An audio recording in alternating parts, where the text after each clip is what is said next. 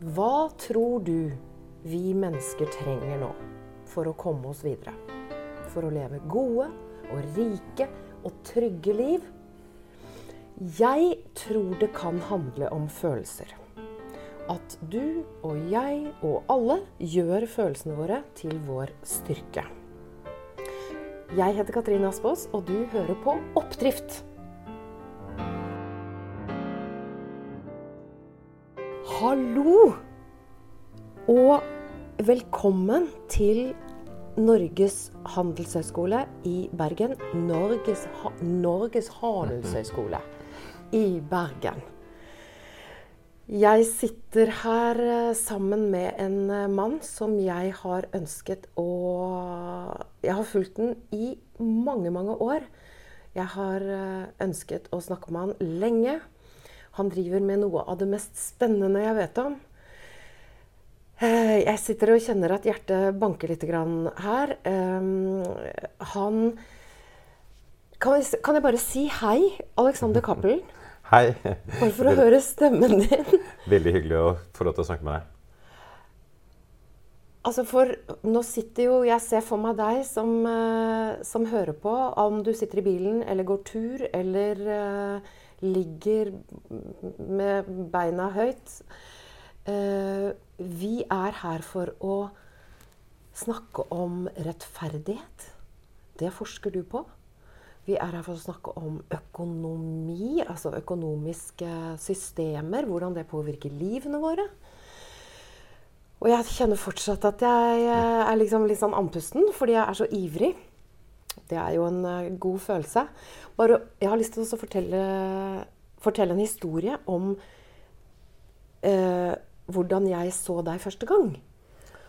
Og det var like borti Det var ikke kjærlighet ved første blikk. Ble litt nervøs nå. For det var i det som den gangen het Dette er 30 år siden. Mm. Det må det jo være. Ja. Eh, vi gikk på samme kull, eller i hvert fall hadde noen forelesninger sammen. Eh, I 1989-ish, rundt der. Da var det et stort uh, auditorium som het Auditorium A. Det er på den tiden det største auditoriet her. Og da var du han irriterende fyren som alltid stilte spørsmål på slutten, eller hadde innvendinger mot uh, foreleserne. Uh, og vi ville jo bare ut i kantina og drikke kaffe.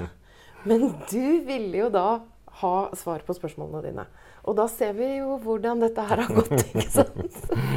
Du sitter nå her og eh, er leder et senter på Norges handelshøyskole eh, som heter FAIR. Ja. Eh, du leder det sammen med Bertil Tungodden. Og du har et kjempeteam av flinke folk rundt deg. Og dette har du jo vært med på å skape. Da er jeg litt sånn interessert i den prosessen også. Uh, den heter Fair, altså rettferdighet blir jo det. Mm -hmm. Og du har vært knyttet til uh, du, har, du, har, sittet i utvalget for, uh, som jobbet med etiske retningslinjer i oljefondet. du har vunnet Bronsesvampen to ganger. Altså det er NHHs uh, Fire ganger til og med. Fire ganger! Veldig bra. For å være helt og for fem år siden så fikk dere status eh, som, eh, som, senter for fremragende forskning fra Forskningsrådet. Og det er den store prisen i Forsknings-Norge. Det deles ut hvert femte år. Varer i ti år. Mm. Og da har dere da laget dette fantastiske senteret. Og grunnen til at hjertet mitt banker, det er jo, vi driver jo med følelser her, eh, det er jo at dere utvikler økonomifaget i det jeg opplever riktig retning. Kan ikke du fortelle um, hva det er dere gjør? Wow. Nei, la meg si ja, nei, Men du, jeg rygger tilbake. Ja. Vi ruller tilbake, og så spør jeg Hva er det som har skjedd i økonomifaget i de 30 årene siden vi traff hverandre i Auditorium A? Hva slags, hva slags, grunnholdninger er det som har utviklet seg, som du ser? Det er et fantastisk godt spørsmål. Og jeg tror vi kanskje gikk studerte økonomi på den aller kjedeligste tiden. Det, det var, vi, vi bomma fullstendig. Og det må jeg si for de som har tatt tok økonomiutdannelsen på den tiden, og kanskje en del etterpå, det var en veldig dårlig tid å gjøre det på. fordi i ettertid så har man sett at mye av de antakelsene antagelsene vi hadde i økonomifaget eh, på den tiden, om hvordan folk tar beslutninger, og hva som motiverer folk, var ganske enkelt feil. Så det er to store revolusjoner innenfor økonomifaget som kom omtrent dagen du gikk ut av, ut av, døra. Så begynte ting å skje. Det hadde begynt å skje litt før. Men det hadde ikke kommet til Handelshøyskolen. Det, det hadde ikke fått med deg, og veldig få på Handelshøyskolen hadde fått det med seg. Og den ene revolusjonen er knyttet til man, hvordan man tenkte om hvordan folk tar beslutninger. Veldig tett koblet til psykologifaget, hvor økonomer typisk har antatt at folk velg, tar de beste valgene, gitt den informasjonen de har. De er rasjonelle. Det vi trenger ikke mye introspeksjon og se på ting på selv, for vi vet at det, det holder ikke alltid. Vi, vi, gjør feil. Men ikke bare at vi gjør feil, vi gjør systematiske feil. Og jeg tror Det er det som er spesielt viktig for ledere og for andre. For det betyr at hvis du gjør systematiske feil, så kan du korrigere kursen. Og sånn at du tar bedre, bedre valg. Og veldig mye av utviklingen innenfor Det har vært en eksplosjon i forskning. For man kunne gå tilbake til alle de spørsmålene man hadde sett på før, med å se på dem med et nytt blikk. Og si ja, men hva nå om vi aksepterer at folk tar beslutninger på en litt annen måte? At vi gjør feil? Eh, hvordan kan, kan, vi forklare fenomenet vi ikke før kunne forklare? Kan vi få nye innsikter? Og svaret var et eh, veldig klart ja på det. Masse spennende forskning. Den andre store revolusjonen som har vært enda tettere til det vi har jobbet med, det er revolusjonen knyttet til hva som motiverer folk. Så økonomifaget eh, Men dette er ganske langt tilbake, så mange har fremdeles dette bildet av økonomifaget, men det er nå gusje takk og lov foreldet. Men den gangen så var det riktig at økonomer antok at folk utelukkende var motivert av sin egeninteresse. Og vår egeninteresse veldig ofte ble redusert til penger. Så bedrifter maksimerte profitt, og individer maksimerte nytte. Så mest mulig fritid og mest mulig penger. Det, det, var, det var, tanken. Uh, det virker nesten absurd. Altså, det er få som, og det merket kanskje du uh, når du studerte. Uh, jeg merket det veldig mye, for jeg prøvde å henge litt med universitetsfolk samtidig mens jeg gikk på Handelshøyskolen, at det var ingen folk mislikte mer enn økonomene. Og det hadde mye med det å gjøre. For kunne ikke, folk kunne ikke forstå hvordan kan dere tro at mennesker er sånn. At folk bare er noen ego-nyttemaksimerende eh, jævler, for å si det på den måten. Og, og, bare en liten Jeg tror det er viktig å gi et sånn bitte lite pushback der. For vi økonomer var ikke så dumme som man kanskje skulle tro. eh, og jeg tror En måte å skjønne hvordan den antakelsen kunne leve så lenge, er å tenke hvis, hvordan folk tenker omkring motivasjonen til bedrifter. Du, for alle hadde sett at mennesker, selv økonomer så at mennesker gjorde snille ting. Det var det ingen tvil om. Vi skjønte det. Eller økonomene skjønte det. Men det de tenkte er at ja, når de gjør disse snille tingene, så gjør de det av egeninteresse likevel. På samme måte når vi ser bedrifter gi til veldedige formål, så er det mange som tenker ja, ja, de gjør det, men de gjør det sikkert pga. renommeet. De ønsker å øke salget sitt. Mm. Og litt på samme måte, eller ikke bare litt, på samme måte tenkte veldig mange økonomer at ja, vi gjør jo disse snille tingene, men vi har en annen agenda. Vi gjør det for å få et godt renommé, for å få noe igjen. Og det interessante med det var at det fantes ikke noen klar, klar, klare bevis som kunne avgjøre hvem som hadde rett her. Var det, det var antakelser. Ja, det var antakelser. Var det, hadde økonomene rett, som mente at de gjorde snille ting av egeninteresse, eller hadde vanlige mennesker og psykologer og sosiologer rett når de sa at var, vi har en genuint ønske om å gjøre det riktige? Her kommer den, og det er den siste egentlig den tredje revolusjonen, men en annen type, mer metodologisk revolusjon, nemlig bruken av eksperimenter. Ja. Som har vært, eh, også forandret faget nesten fullstendig. Økonomifagene vi studerte 30 år, for 30 år siden, det var nesten et regn... Ja, Reinspikka teoretisk fag. Mm. Du hadde modeller, og så sa, basert på modellene så sa du hvordan folk var. for, faget har forandret seg fullstendig. Nå bruker vi data, som det skulle bare mangle at vi gjorde. Vi bruker registerdata, som vi har masse av i Norge, og vi bruker eksperimenter for å generere nye data. Og de eksperimentene jeg kan snakke bedre om det senere, har gitt entydige bevis på at folk er motivert genuint av rettferdighet. Og det har vært en utrolig viktig og forandret faget på veldig mange måter det er jo Vi er motivert av Vi motiveres av rettferdighet. Ja. Og jeg satt og gjespet litt her i sted, for jeg, jeg, blir jo litt letta når du snakker. For jeg mm. gjenkjenner jo Å ja, jeg starta på det kjedeligste tidspunktet i fagets historie. ja. Da er det ikke noe rart at jeg ville ut i kafeen og drikke kaffe hele tida. Eller forsvant ned for å drive med revy. Mm. Uh, men nå er jo dette økonomifaget er jo noe av det mest spennende som skjer akkurat nå. Kan du fortelle om uh, hvordan dere forsker på hva er rettferdighet? Hvordan ja, Bare for å ta ett steg før jeg gjør det. og Det er nemlig hvordan vi klarte disse eksperimentene for å vise at vi faktisk bryr oss. For det er nyttig sånn utgangspunkt for, for det. Og eh, Måten man klarte å overbevise selv økonomene for, på at vi er genuint opptatt av rettferdighet, det var å studere hvordan folk tar reelle økonomiske valg. Mm i situasjoner hvor det ikke er noen egeninteresse i å dele penger. Så tenk deg at du sitter helt anonymt ved PC-skjermen din. Du er matchet med en annen person. Så får du beskjed på PC-en. Du og den andre personen har fått 1000 kroner for å gjøre en liten jobb. Den personen vil aldri finne ut hvem, hvem, du er, så kan ikke hevne seg på deg. eller noen ting. Eh, selv vi som leder eksperimentet vil ikke vite hva de gjør. gjøre. Du får i oppgave å dele pengene mellom deg selv og den andre personen. Så du kan velge å beholde hele tusenlappen selv, dele likt, gi alt til den andre, helt fritt. Det vakre med den situasjonen er at her er det ingen grunn Det ikke, kan ikke være noen egeninteressert grunn til å dele, for du skal aldri møte denne personen igjen. kan ikke hevne seg. Alt det som vi økonomene tenkte kunne være forklaringer på at vi av og til opptrer sjenerøst, er borte. Det betyr at standard økonomisk teori, som, som, det var den gangen, har en veldig klar prediksjon om hva som skal skje. Alle skal ta alt. Penga sjæl. Alle penga sjæl. Men når vi da gjør det, og vi har gjort dette Vi gjorde det eh, så kanskje som den første, nesten første forskningsgruppen i verden, så gjorde vi dette på allmennbefolkningen i landet, ikke bare på studenter. Og det vi ser da, at det veldig få mennesker tar alt selv.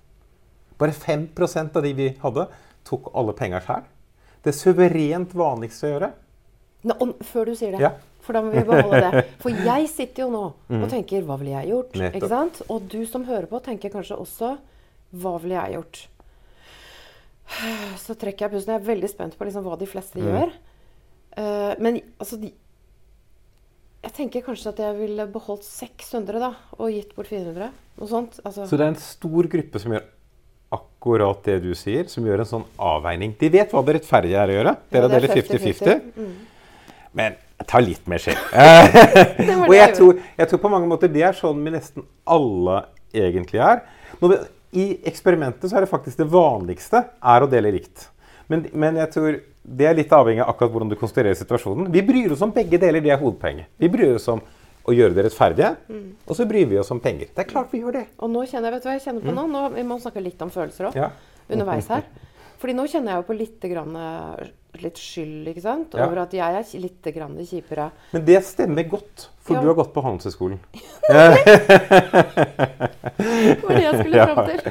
Og man har gjort disse eksperimentene med veldig mange ulike grupper. Man har gjort det med innfødte stammer i Amazonas og med barn i ulike aldre og, og folk omkring hele verden. Og man finner noen grupper, veldig små barn opp til to-treårsalderen, de er superego. De er det nærmeste man kommer homo economicus. Hvis du ber små barn dele ti godterier mellom seg selv og en annen, så tar de alt. Eh, de finner da enkelte sånne innfødte stammer. De, å dele med en anonym fremmed, det skjønner de ikke noe av, så de tar også alt selv. Så liksom De to gruppene, og så er det særlig mannlige NHH-studenter. De tar også alt selv, omtrent. ikke alle, men, det, men de, og de Så det er en viss sånn økonomistudieeffekt. Men det er ikke så rart. Det er de som begynner å studere på Handelshøyskolen, er litt mer enn gjennomsnittlig interessert i penger enn andre. Så, men selv ikke der så stemmer modellen. Så dette gir et enormt håp på øh, det er håpefullt. veldig håpefullt. Vi bryr oss om andre ting. Selv i denne veldig konstruerte, eh, den veldig spesielle situasjonen hvor det ikke er noen egeninteressert grunn. Heldigvis ofte så har vi et renomméargument også for, for, å bry oss om rettferdighet. Så vårt store bidrag denne, eh, eh, på denne forskningen kom etter at dette var etablert. For når man stud, eh, hadde studert denne avveiningen mellom egeninteresse og rettferdighet, så hadde man sett på situasjoner hvor det rettferdige alltid var å dele likt. Så hvor det var helt tilfeldig hvem som fikk jobben i å dele penga. Begge hadde samme, hadde samme krav på pengene. Så man satte likhetstegn mellom rettferdighet og likhet. Bertil, og, Bertil Tungaden og jeg vi hadde begge to studert filosofi og eh, rettferdighetsteori. Og moderne rettferdighetsteori har jo et veldig annet syn på hva som er rettferdig, enn bare at det er likt. Typisk så sier veldig mange av moderne rettferdighetsteorier at, at rettferdige er å eliminere noen type ulikhet. Eliminere ulikheter som skyldes ting du ikke kan kontrollere selv. Mens holde folk ansvarlig for, for ting de selv kan kontrollere. De valgene de gjør. Oh, dette ble vanskelig. Ja, så, men kort fortalt Ulikhet som skyldes flaks, mm. er ugreit. Ulikheter som skyldes at noen jobber mye, f.eks., ja. og noen jobber lite, ja. det er ok. Ja, okay. Så eh, noen ting skal du holdes ansvarlig for, noen ting er du ikke ansvarlig for. That's it. Men det var helt fraværende. Mm. Så det vi satte oss for, var å prøve å vise at folk hadde den typen rettferdighetsoppfatninger. At folk var, fordelte pengene på forskjellige måter, avhengig av hvem som hadde skapt dem. Eller hvem som hadde tjent dem. Det og det vi fant Vi fant to ting. Det ene var at veldig mange har nettopp den oppfatningen. Eh, hvis du gjør dette, spesielt hvis du gjør dette i Norge, så vil de fleste nordmenn de vil ønske å dele pengene likt. Eller de syns det rettferdige er å dele pengene likt. Dersom ulikheten skyldes bare flaks. Ja. Du slår kronen min, du får 1000 kroner, den andre får ingenting. Ja. Men det er gjort samme jobb. Urettferdig. Hvis du presenterer nordmenn for en sånn situasjon, mm. så vil 80 eh, si at nei, her skal vi bare dele likt. Mm.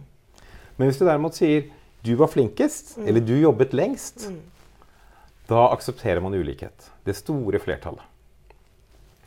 Eh, kan jeg spørre ja, om noe inni der? Du, absolutt. Fordi sånn bare Hvis um, Hvis vi går til Nav og Altså, det foregår jo mange forestillinger om rettferdighet og hvordan skal vi fordele pengene, og det er noen som Altså hvordan, Hvis vi skal ta det inn i, i uh, hele den diskusjonen om, um, om Nav ja. Og hvordan, hvordan, spiller det inn på rettferdighetsforståelsen vår? Har dere sett noe på det? Vi har ikke sett spesifikt på Nav, men det vi har sett på, det er betydningen av hvorfor man tror noen da ender f.eks. på Nav. Altså hvorfor noen ikke eh, tjener penger, og andre tjener penger. Ikke, inn, eller, ikke ender, men er innom. Er innom. Beklager. Eh, så eh, Og det, det er to grunner til at man kan være uenige om hvor, hvordan man skal hjelpe folk som er innom Nav. Det ene er knyttet til hvilket rettferdighetsideal man har. Hvis du mener at man ikke skal belønne folk som jobber, mer enn de som ikke jobber, så vil du ønske å ha et veldig høyt kompensasjonsnivå. Veldig mange nordmenn mener jo at nei, hvis det er sånn at, at, det, at det, viktige her er hvorfor man er innom Nav og ikke. Om man er frivillig eller ufrivillig. Det er også, ja. Frivillig, ja. ufrivillig. Så oppfatninger om hva som er kilden til ulikheten, mm. vil være helt avgjørende. Og der ser man jo veldig mye av den politiske diskusjonen her òg. I hvilken grad er, er det navere eller ikke? Og med navere så mener jo folk ofte folk som egentlig ikke har krav på, de, eh, på den støtten som, som, ligger i det systemet. Eh, og så er jo ja, Så blir det fort politisk. Det blir veldig det fort emosjonelt også, ikke Nettopp. sant? Og det er ikke så lett å svare på heller de spørsmålene. Nei, det er veldig vanskelig å svare på det. For det, da er vi jo inne på påføring av skam. Altså enhver sånn merkelapp. Ja. Det fins jo ikke, egentlig. Man ønsker jo å være med og være velfungerende. Altså, Ja. Der ligger et dypt Men det som er slående med den norske kulturen, det er at vi, vi er litt schizofrene på mange måter. For vi på den ene Sammensatte. Siden, sammensatte. Unnskyld. Du er mye flinkere. Ja. Det er det jeg driver med. Ord vet du, og Finne de språk. riktige ordene. Eh, for vi har på den ene siden en veldig sterk eh, egalitær eh, ideal. Vi Mm. ønsker å eliminere noen former for ulikhet. Samtidig så har vi også et veldig sterkt meritokratisk ideal. Vi ønsker å Være flinke. Ja, være flinke. Belønne de som er flinke. Sant? Og de to idealene kan kollidere av og til. Mm. Og jeg tror, jeg tror nordmenns selvbilde av og til vært litt feil. For vi har fokusert så mye på det idealet om at alt skal være likt. Nor Norge er det mest egalitære samfunnet i verden. Det er mye riktig i det. Vi er det landet i verden som vi har sett på som hvor man misliker ulikhet som skyldes flaks, mer enn eh, noe annet land. Eh, men vi er også et av de landene som er mest villige til å belønne prestasjoner. Okay. Så vi, det som virkelig kjennetegner oss, er at vi, vi skiller enormt mellom årsaken til, ulike årsaker til at noen tjener mye penger. Så dette er sammensatt. Det er håpefullt.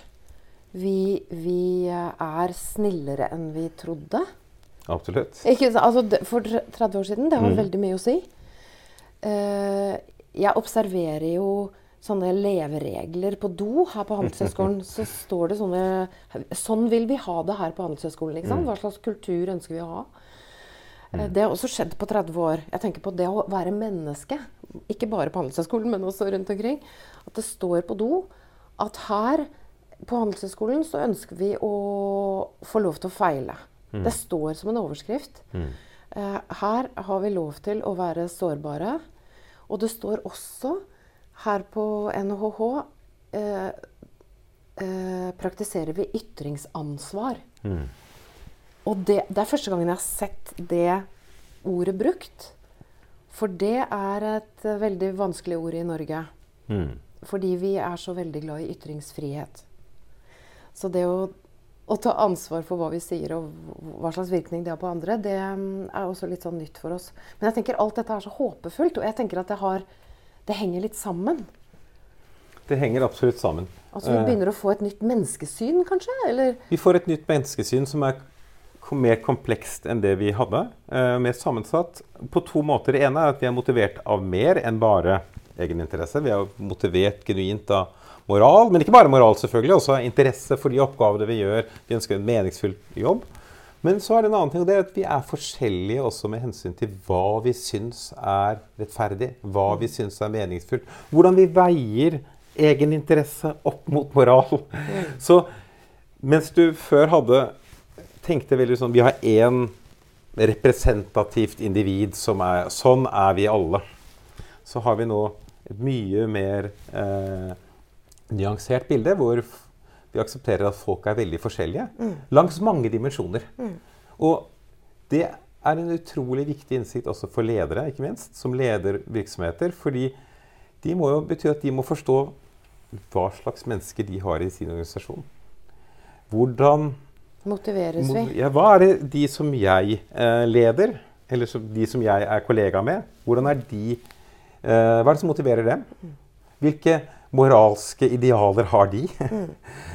Og hvis du ikke forstår det, så kan du umulig eh, være, eh, lede dem eller samarbeide med dem på en god måte. Nemlig. Så den innsikten der.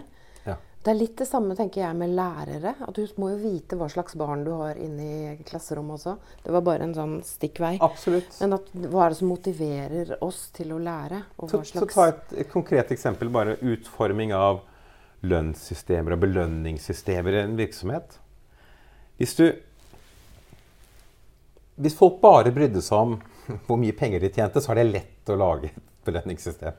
Et insentiv. Eller det er ikke lett da heller. Da blir det. TV-serie av det. Ja, da blir det TV-serie av det. Men, det, men, da, eh, men i det øyeblikket folk også bryr seg om rettferdigheten i systemet, Bryr seg om hverandre, kanskje? bryr seg om hverandre, det, så er det mye vanskeligere. Og da er det selvfølgelig viktig for deg å vite hva det belønningssystemet, bonusordningen eller hva det måtte være, er det en ordning som de på arbeidsplassen opplever som rettferdig mm. eller urettferdig? Mm. For det er få ting som er så demotiverende som å oppleve at du eller de rundt deg blir urettferdig behandlet. Mm. Eh, og det her blir da enda vanskeligere fordi ja, de som jobber i barnehage eller skole, de kan være motivert på en helt annen måte enn de som jobber i et meglerfirma eller jobber på Norges handelshøyskole for den saks skyld. Eh, så du må forstå motivasjonen. Hva er det som får folk til å tikke?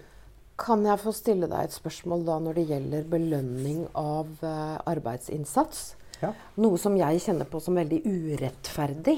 Mm. Og, og, egentlig ødeleggende for demokratiet. Nå bruker jeg veldig sterke ord her. Det, og det er jo at mennesker som jobber med penger, mm. tjener så uforholdsmessig mye mer enn de som jobber med mennesker. At de som, de som jobber med tillit, og med de som jobber som sykepleiere, som uh, lærere, som uh, Enhver egentlig i en bedrift, også de som jobber med noe sånn mykt uh, menneske noe, de, de ligger på bunn. Hva er det for noe? Det er, en, det er så urettferdig og sender så feil signaler til en fremtid der vi tar vare på hverandre. det er en utrolig interessant observasjon. Og den understøttes også av Hvis man spør mer sånn systematisk folk hvilke jobber syns du er viktigst i samfunnet? Eh, og hvilke syns du kanskje er minst viktig? Hvis du ber dem, du presenterer dem for ulike yrker, ulike opp oppgaver, og så skal de rangere dem ja, da kommer lærer, helsepersonell. Det kommer på topp. Dessverre kommer da økonomer, jurister. Vi, vi kommer helt på bånn. Hvis du nå ser sammenhengen mellom gjennomsnittlig lønn i disse yrkene og gjennomsnittlig måte, vurdering av hvor viktig jobbene er, så ser du akkurat det du eh, påpekte, nemlig en negativ sammenheng. De jobbene vi syns er viktige, får lavest lønn. Mm. De, eh, nå, nå, klart Det er vanskelig å sammenligne, fordi det er ulike folk som er i de ulike jobbene. Mm. Men man kan gjøre en lignende øvelse òg, som er ganske interessant. Det er å se innenfor, Hvis du ser, sammenligner folk som har samme type jobb, samme utdannelse, men jobber i ulike bedrifter, og så ber du folk om å rangere bedriftene basert på hvor mye samfunnsansvar de tar, og hvor, ja, hvilket godt renommé du har. Hva ser du? Du ser det samme type sammenheng. Folk som jobber i de etiske virksomhetene, eller de virksomhetene som har det beste renommeet, som tar mest samfunnsansvar, de får lavest lønn. Det er de virksomhetene som, eh, som har det dårligste renommeet, som betraktes som de minst etiske, som betaler høyest. Og nå får jeg jo jeg en teori som jeg bare Nå sender ja. jeg den over til uh, Fair. Mm. Og dere kan jo gjøre, du kan gjøre hva du vil med den. Men jeg tenker sånn at det er en rettferdighet her i at har du en dypt meningsfull jobb altså hvis vi, hvis vi tenker at vi har forskjellige avlønningssystemer, altså mm. mer sofistikerte avlønningssystemer, det får vi jo også nå. Mm. At med, opplevelsen av mening er en er, Jeg holdt på å si hard valuta. For det er så livsbejaende. Uh, det å mm. ha en jobb som kjennes dypt meningsfullt. Eller meningsfull. Ja.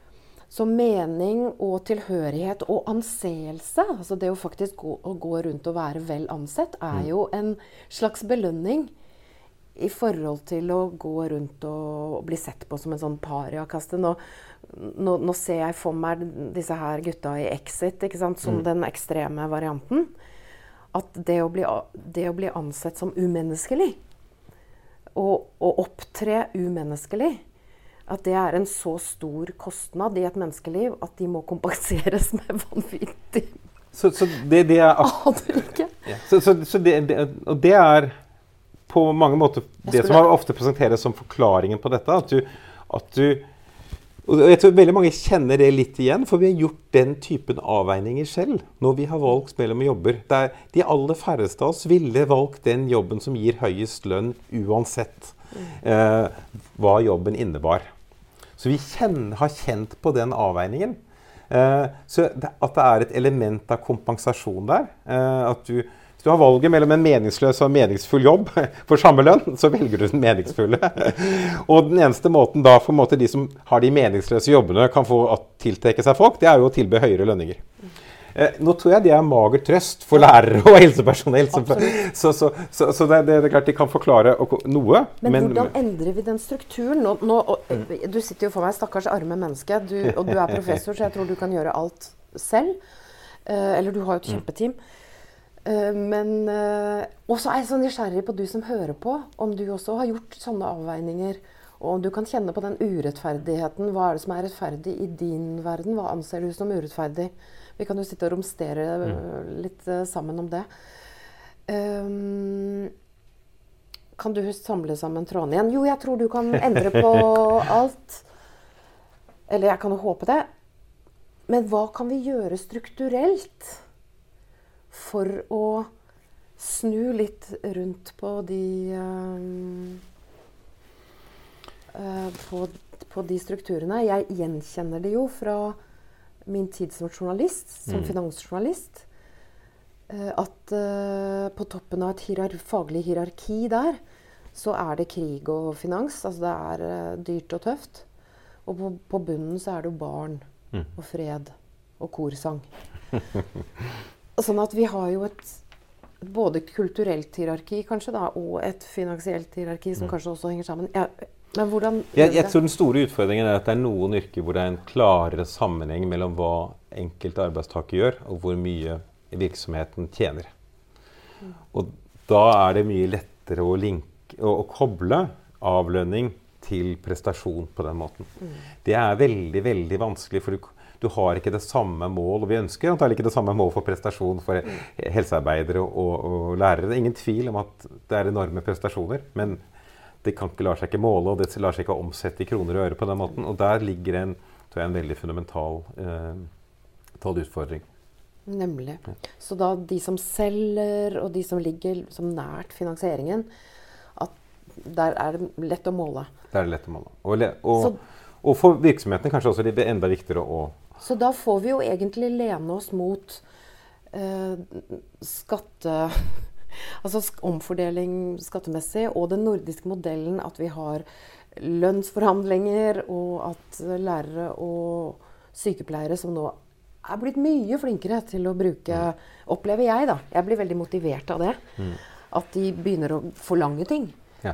Og det er jo å ta seg sjøl og, og, og, og faget og ungene på alvor, og skolen på alvor.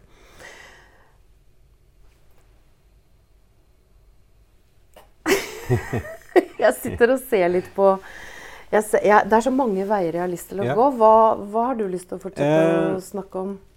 Som er, har du har på hjertet? Så en ting som, Det er eh, flere ting vi kunne snakket om. Um, en ting kunne være å linke det litt. Vi gjør noen fantastisk spennende studier for tiden. hvor vi, så, Nå har vi snakket mye om Norge, og hva vi syns er rettferdig. og Hvordan er det Første eh, ja, Hvorfor er vi blitt som vi er blitt, på en måte? Det, hele den, den spørsmålet. Eh, og, så, Menneskene, tenker du på da? Ja, mennesker, altså. Hvis vi går tilbake til rettferdighetsoppfatninger, så vi har sett at nordmenn er eh, meritokrater, på en måte. Vi, vi, vi, er glad i å være flinke? Vi er glad i å være flinke, men vi, vi misliker ulikheter som skyldes flaks, men vi aksepterer ulikheter som skyldes som skyldes prestasjoner i stor grad. Men, er det noe rart vi blir utslitt og nei, utbredt? Men så er spørsmålet hvordan er vi nordmenn i forhold til andre land? Er vi, er vi, så spesielle? Ofte så har vi en idé om at vi er um, mer spesielle enn vi faktisk er. Um, og det har vi gjort det, kanskje det morsomste studiet vi har gjort i siste tiden, som vi nå holder på å skrive opp, er at vi har studert rettferdighetsoppfatninger i 60 land med så vi er et veldig stort uh, Nå skjer det ting med det, men det er stort an, an, uh, 66 000 mennesker som har gjort, fordelt penger mellom 66 000 par av arbeidere. Mm. Så det gjør at vi kan kartlegge hva folk i ulike land syns er uh, rettferdig. Og da ser vi enorme forskjeller. Så det er noe jeg kan snakke om. Fortell, fortell Ja. gjerne mer om Så det. jeg, trodde du hadde stoppet, skjønner du. Det var derfor Overhodet ikke. Beklager. Men, vi, men vi, vi kan stoppe, for jeg går nå og vurderer Dette er så spennende at jeg har lyst til å lage en episode til. Men, det, men da tror jeg, kan snakke om det, det da kan eh, vi snakke om det i den neste episoden. Ja, men det her tror jeg henger ganske ja, godt sammen. Da henger det godt Ja. sammen. Da tar vi det nå. Ja. Noe vi har vært opptatt av, er i hvilken grad nordmenn er spesielle i sin rettferdighetsoppfatning. Vi har jo et klart selvbilde om at vi er spesielle. Vi er spesielt likhetsorienterte. Som jeg sa tidligere, så har vi vist at ja, vi er ikke så likhetsorienterte som vi av og til tror. For vi, selv om vi ikke aksepterer ulikheter som skyldes flaks, så er vi villige til å akseptere ulikheter som skyldes prestasjoner, eller at noen har jobbet overtid, eller hva det måtte være. Men hvordan er vi i forhold til andre folk i andre land? Så for å se på det har vi eh, i FAIR eh, gjort et veldig stort studie i 60 land. Så vi har rekruttert 66 000 mennesker som alle har fått i oppgave å dele, bestemme lønnen til to andre mennesker. Så vi lager reelle situasjoner hvor det er en ulikhet, og så lar vi folk få muligheten, helt anonymt, til å bestemme om de skal gjøre noe med den ulikheten. Så for å illustrere vi, kan, vi har en situasjon hvor to arbeidere, ekte arbeidere, har gjort en liten jobb. På slutten så sier vi som en overraskelse nå skal, nå skal dere få en bonus, men bare én av dere får bonusen. Og vi bestemmer hvem som skal få bonusen helt tilfeldig. Så tenk at vi slår krone mynt. Så én får bonusen, den andre får ingenting. Men de får også at en, vite at en tredje person få til, kan få muligheten til å endre eh, fordelingen mellom dem. Og så går vi da til folk rekruttert fra allmennbefolkningen eh, i Alle ulike land. mulige folk. Alle mulige folk. s- eh, unge og gamle, godt utdannede eller lite utdannede, rike og fattige.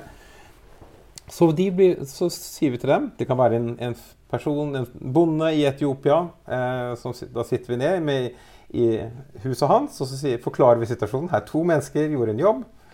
Du må nå bestemme om du vil gjøre noe med det. Vil du ta fra han som, eller hun som fikk alle pengene, og gi til den andre? De kan gjøre hva de vil. De kan la det være som det er, omfordele litt, omfordele mye. Gjøre det helt likt. Og det vi ser da, eh, når vi gjør dette i, eh, i 60 land, er at Norge, ganske riktig, i den situasjonen hvor ulikhet skyldes flaks, er det landet i verden, i hvert fall blant de 60 landene, som er minst villig til å akseptere ulikhet som bare skyldes flaks. Så i Norge så vil 80% av de som presenteres for en sånn situasjon, velge å dele helt likt. Ta halvparten av pengene fra han, den som fikk alt, og gi til den andre. Og bare 10% aksepterer ulikheten som den er. Så hvordan, og Hvis du ser sammenligner høyre- og venstresiden i politikken for eksempel i Norge, så er det forskjell. De på venstresiden der er det 85% som deler likt, og det er 75 på høyresiden. Så det er absolutt en, en forskjell. Men hvordan er den forskjellen internt politisk i Norge sammenlignet med hvordan den er i resten av verden? La oss ta USA, f.eks. Hvordan er det i USA? Der faller andelen fra litt over 80% som deler helt likt, til ca. 50 Og hvordan vil det være i, hvis du går videre til Kina? Ja, Der er det nesten fullt snudd på hodet. Der er det bare 15-20% som deler likt. Det store flertallet, nesten 75% velger å akseptere ulikheten som den var. Mens Hva de var- forteller det oss om kulturen, egentlig? Eller Det, viser, det, det, for det første viser det jo at kultur betyr enormt mye. Og hvilket samfunn du har vokst opp har formet hvilke rettferdighetsoppfatninger vi har. Var vi akseptering Hva av urettferdighet? Ja. Og, eller, og kanskje enda viktigere hva vi oppfatter som rettferdig. Rettferdig. Så enorme forskjeller. Eh, vi tror vi at dette i veldig stor grad skyldes hva du opplever, hva du erfarer i ungdom og i, og i barneårene. Vi har bl.a. gjort et studie i USA hvor vi ser på effekten av å tilfeldig bli Et stort eksperiment som, hvor noen barn får tildelt barnehageplass, og noen ikke får det. Så det gir deg veldig ulike erfaringer i, i, i i, Livet? i livet. Og det vi ser er at de har tilfeldig blitt fått tildelt barnehageplass. Så det er to identiske grupper. Noen fortsatte å bo hjemme hos da typisk med sin mor. Eh, de andre fikk barnehageplass. De som fikk barnehageplass flere år etterpå, er veldig mye mer likhetsorienterte. Og det er interessant! så, så, den typen erfaring Det taler jo egentlig Det er jo argumenter for og mot alt mulig, men det, det taler jo for å få sosial kompetanse i en barnehage. Og det minner meg på hva en eh, kollega og venn sier, som heter mm. Martin Johannessen. Han har en podkast som heter 'Rekk opp hånda'. Ja. Og han har fortalt meg det Han holder av og til foredrag for barnehager. Mm. Og han sier 'Vil du ha venner?' Mm. 'Vil du skaffe deg venner?' 'Å ja, det vil du.' Mm. Da trenger du å lære to ting. Å dele mm. og vente på tur. Ja, da får du venner. Ja. Sånn at det å være i barnehage det, altså I et trygt barnehagemiljø da, Nå får jeg mm. kontakt med altså at det var absolutt ikke trygt på 70-tallet. Det kjentes som å være i en zoologisk hage. Men nå er det jo helt annerledes. Mm. Så det å få sosial kompetanse blant andre ja. mennesker Vi går inn for landing, og jeg gleder meg til å fortsette å snakke om det her. Og da går vi nok over mot også tillit. For tillitsbegrepet er jo også noe Det å ha tillit til hverandre har vel kanskje også noe med det har absolutt veldig mye med rettferdighet, rettferdighet å, gjøre. Så da blir det tillitsepisoden har jeg lyst til å lage. Og så sitter jeg og kjenner på fortsatt. Jeg klarer ikke å la mm. være å tenke på at jeg valgte å beholde 600 kroner selv. Ja. ja, men hør, 600 kroner selv. Og jeg tenker her har jeg her har jeg noe å jobbe med. så jeg er veldig spent på hva du der ute valgte å beholde selv, og du, om, du, om, du, valgte 50-50. Men um, tusen takk for praten, professor Alexander Cappelen. Vi kommer til å høre mer fra deg. Uh, jeg er altså så dypt takknemlig for uh, den jobben dere gjør her. Så jeg, må, jeg klyper meg litt i uh, armen over å sitte her. Og så um, takk til deg som har brukt din dyrebare tid på å høre på oppdrift. Sitte rundt leirbålet, pakke ut rettferdighet og følelser av ymse slag. Eh, samtalen fortsetter på Facebook i den lukkede gruppen som heter Emosjonell styrketrening. Gå ut og vær god og tålmodig med deg sjøl.